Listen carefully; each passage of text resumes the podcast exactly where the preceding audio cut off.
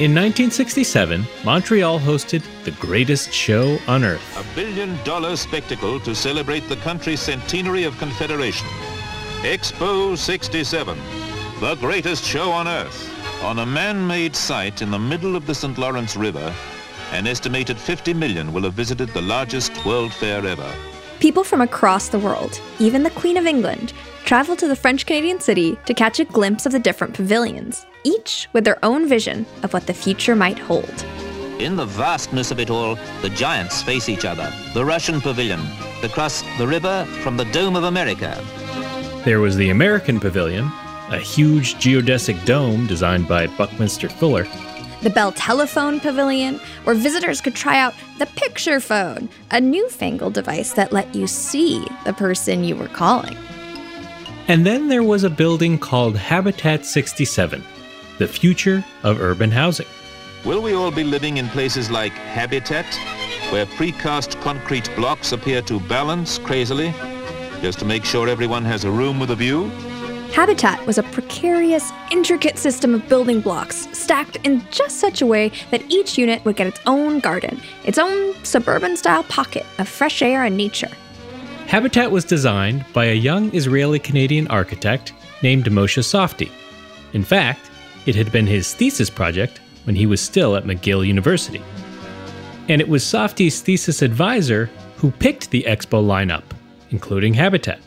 But while Habitat 67's crazy concrete blocks intrigued the public, the project also kicked up its fair share of controversy. So, what happened?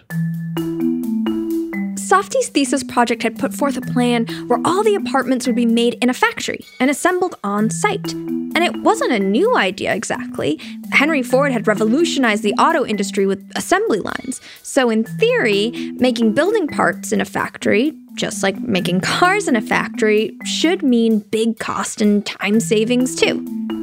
But Safdie's plans soon came up against some cold, hard realities. The original construction contract was for $10 million, but the whole thing ended up costing more than twice that amount. And while there were many reasons things didn't go as planned, for Safdie, the main reason came down to the material. Concrete was chosen for Habitat because it was strong and fireproof. But it was also heavy. Each unit weighed about 80 tons, which required the building team to purchase expensive, heavy duty cranes. Writing in 1967, Safdie himself admitted, quote, the ideal material is yet to be developed. In other words, the project was just too ahead of its time. But today, building materials and other manufacturing advances are finally ready to change the way we build our cities. Welcome to City of the Future, a podcast from Sidewalk Labs. Each episode, we explore the ideas and innovations that could transform cities. We're your hosts. I'm Eric Jaffe. And I'm Vanessa Quirk. In this episode, we're exploring an idea that will finally allow our buildings to catch up to the grand visions of the past factory based construction. Habitat 67 is a very impactful uh, project but it also followed a very problematic approach that architects consistently use, which is that instead of looking at the material culture and the supply chains, logistics, we tend to reimagine things as if a new industry will automatically appear and support our ideas. That's Ivan Rupnik. He's an architect and professor at Northeastern University who spent a lot of time researching and writing about the history of factory based construction sometimes called offsite construction. And when it comes to that history, most architecture buffs think of the 20s and 30s to the Bauhaus movement in Europe. But Ivan told us that those European architects were inspired by even earlier projects in the US. Like Walter Gropius literally brought those magazine articles in German on American precedents back to the US. So even the quote unquote Bauhaus, quote unquote avant garde architects were really interested in a much more incremental change to the building culture, and we didn't have the sensibility to understand it. So, despite America having some of the earliest examples of prefabricated construction, we just didn't have the sensibility, the willingness to make a whole building culture around it. But Europe did. And once we got to the Cold War era, well, that didn't sit well with the US anymore.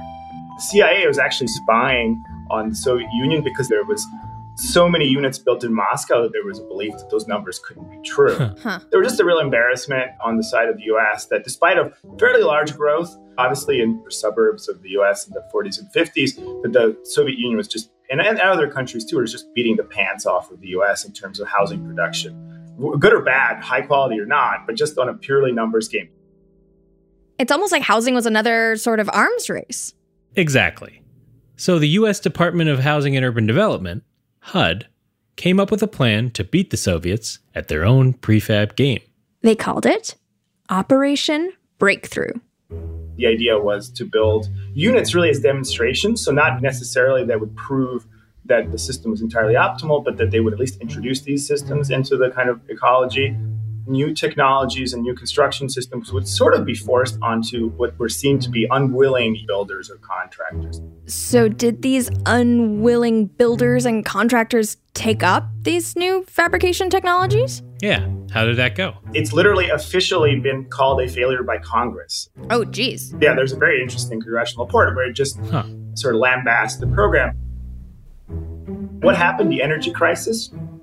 Shipping big chunks of concrete around when you have an energy crisis was a problem, and it certainly impacted Operation Breakthrough, as did many other factors.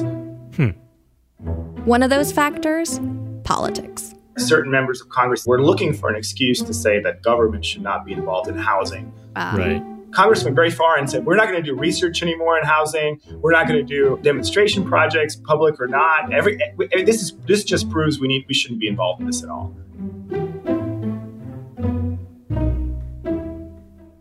But they did have to admit that Operation Breakthrough wasn't all bad. It forced them to pass building regulations that streamlined the construction industry. HUD developed a code, a specific code for what we colloquially call the trailer home, but is actually also officially called the HUD code home. And within two years, you have a new program which takes advantage of those regulations and it was able to provide truly affordable housing. Whatever we think about the quality of that housing, it's probably one of the most successful federal housing programs and certainly offsite housing programs in the world. And it's not just housing that's seen success with factory based construction. Since Operation Breakthrough, a lot of hotels and hospitals have also been built this way. All the successes of the modular uh, industry currently in the US can strangely be linked to a number of regulations that were developed in order to support Operation Breakthrough. Hmm. So, a seeming failure creates a framework that is quite successful. Does that mean Operation Breakthrough was successful? I don't know, but there would not have been that framework otherwise. But according to Ivan, regulation isn't the only path towards creating a framework for success for factory based construction. It's more about changing the building culture itself. At this point, I mean, after maybe 10 or 15 years of looking at this stuff, I'm pretty confident that if we want to be serious about it, we need to work on lifting up the building culture as a whole. Otherwise, we're not going to see a change in mass housing. We're going to see some great examples. Some of them might be viable, some of them won't. We're going to see a lot of Habitat 67s, but we won't see uh, the kind of shift that we really need. So, how do we lift up the building culture? How do we convince the players, the architects, the developers, everyone in the building ecosystem that it's time to take a risk on factory based construction? Yeah. How do we jumpstart this industry? Change is hard, right? Everybody in the ecosystem has to take a step in the same direction to make it work. That's Kareem Khalifa, the director of product design for buildings at Sidewalk Labs. You may remember Kareem from season one of City of the Future, where he helped us realize the potential of mass timber, which has a much lower carbon footprint than concrete or steel. Mass timber is the material of the future. The reason you go to mass timber is really for sustainability, but when you combine it with the factory, you get speed and quality.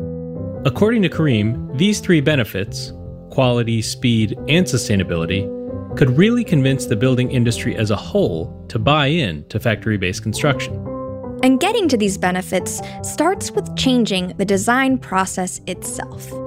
If you think of how architects work today, they will buy a window from a catalog or a door from a catalog. So, why does everybody have to design a floor plate from scratch? Why can't they pick a floor plate from a catalog? To help standardize the design process, Kareem and his team are developing what they call an architectural kit of parts. It's just four building parts, but like different Lego pieces, they can be combined in countless ways. The idea is that these four kit of parts could create an infinite number of different mass timber buildings. That's Lily Huang, an architect who works on the buildings team. We asked her to break down the kit of parts for us.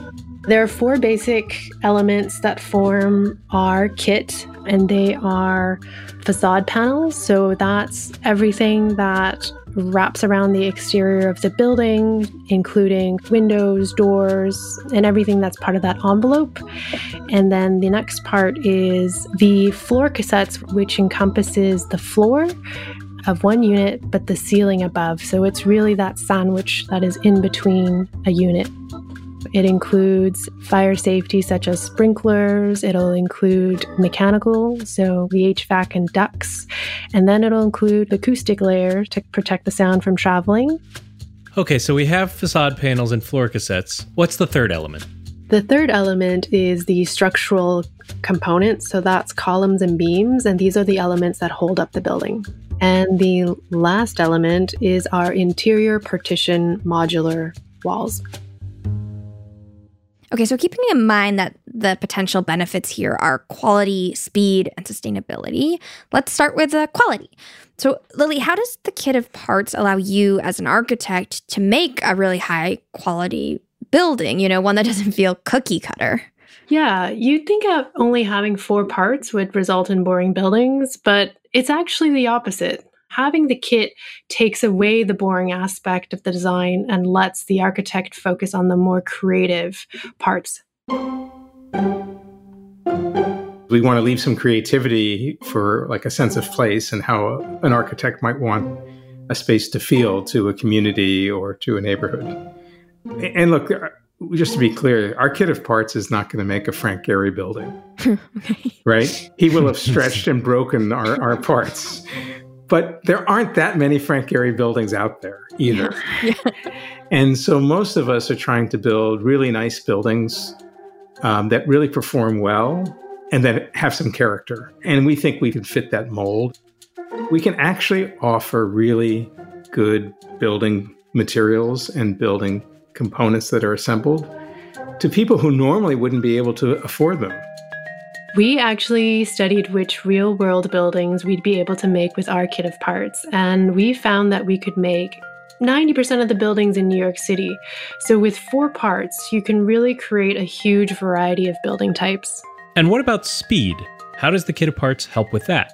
Yeah, so by using the kit of parts, we can develop factory process lines that, with their precision machinery, are able to shape pieces of mass timber at a very high production rate.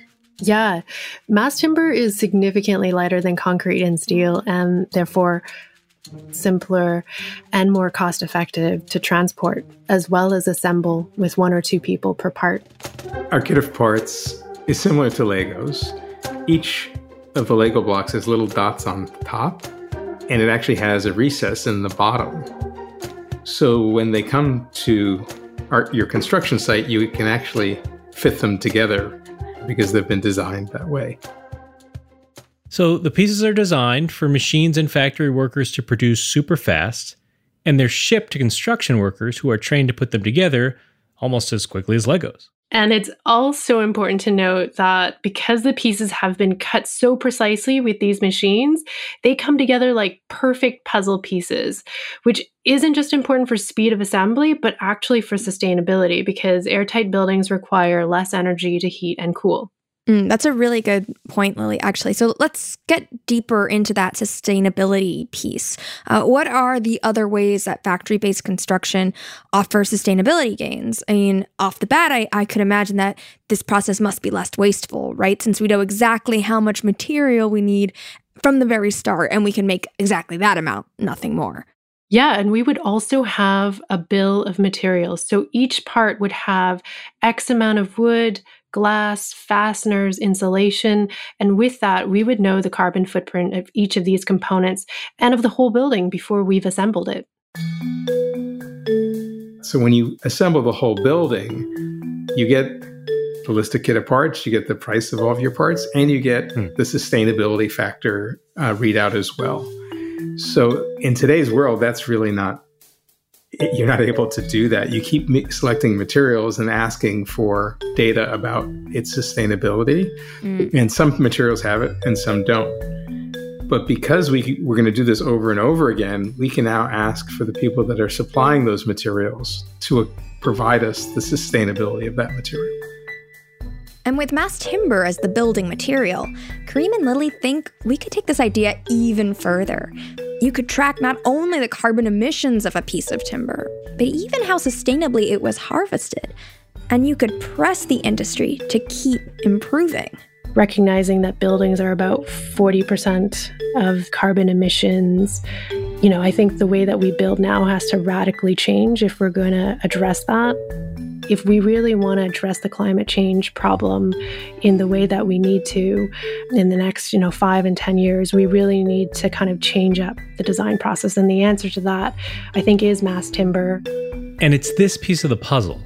The fact that mass timber is not just light and strong, but better for our planet, that might just be the most important piece of all.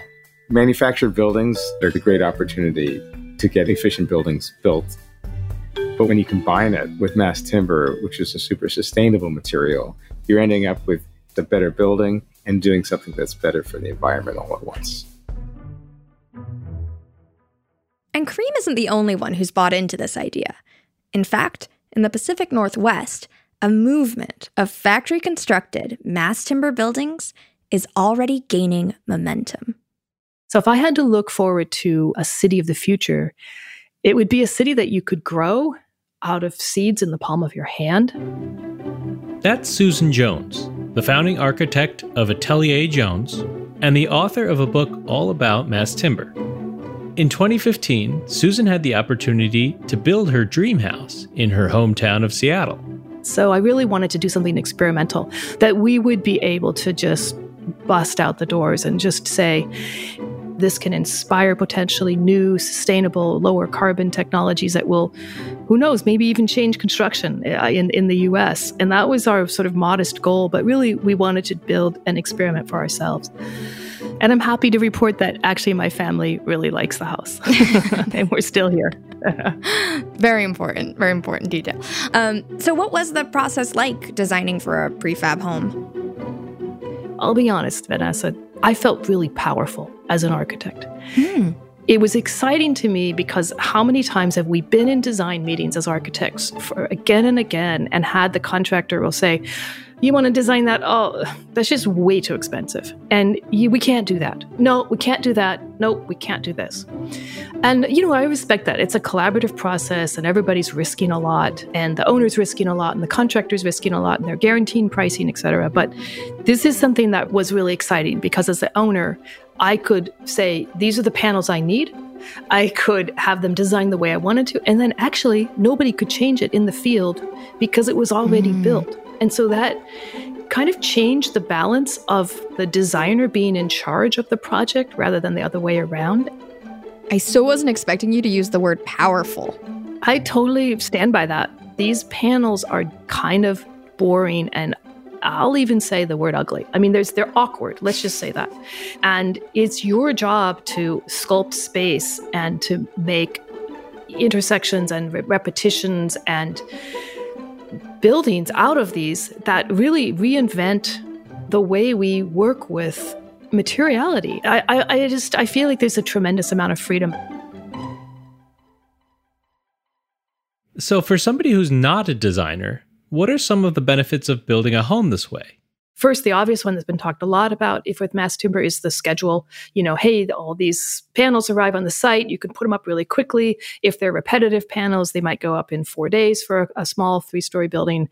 Our house took about two weeks, frankly, because I had the great uh, sense to start this process of putting the panels up in the middle of winter, which was really not a good mm. idea in the blustery Pacific Northwest. But, you know, you learn from your mistakes in those areas. and so that can accelerate it that process of design much faster. We can get onto the site faster. We don't have to wait. And that's a really exciting thing. And that's going to lower cost. That is exciting. That's really compelling.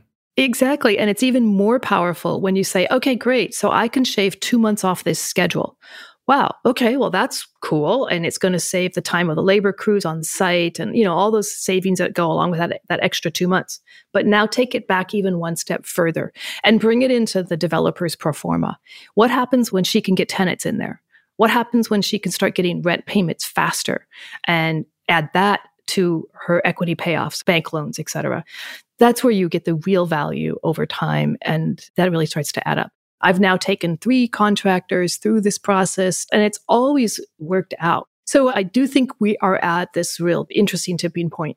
Part of the reason that we're at this historic tipping point in 2019, a revolutionary change to international building code opened the door for more tall timber buildings everywhere.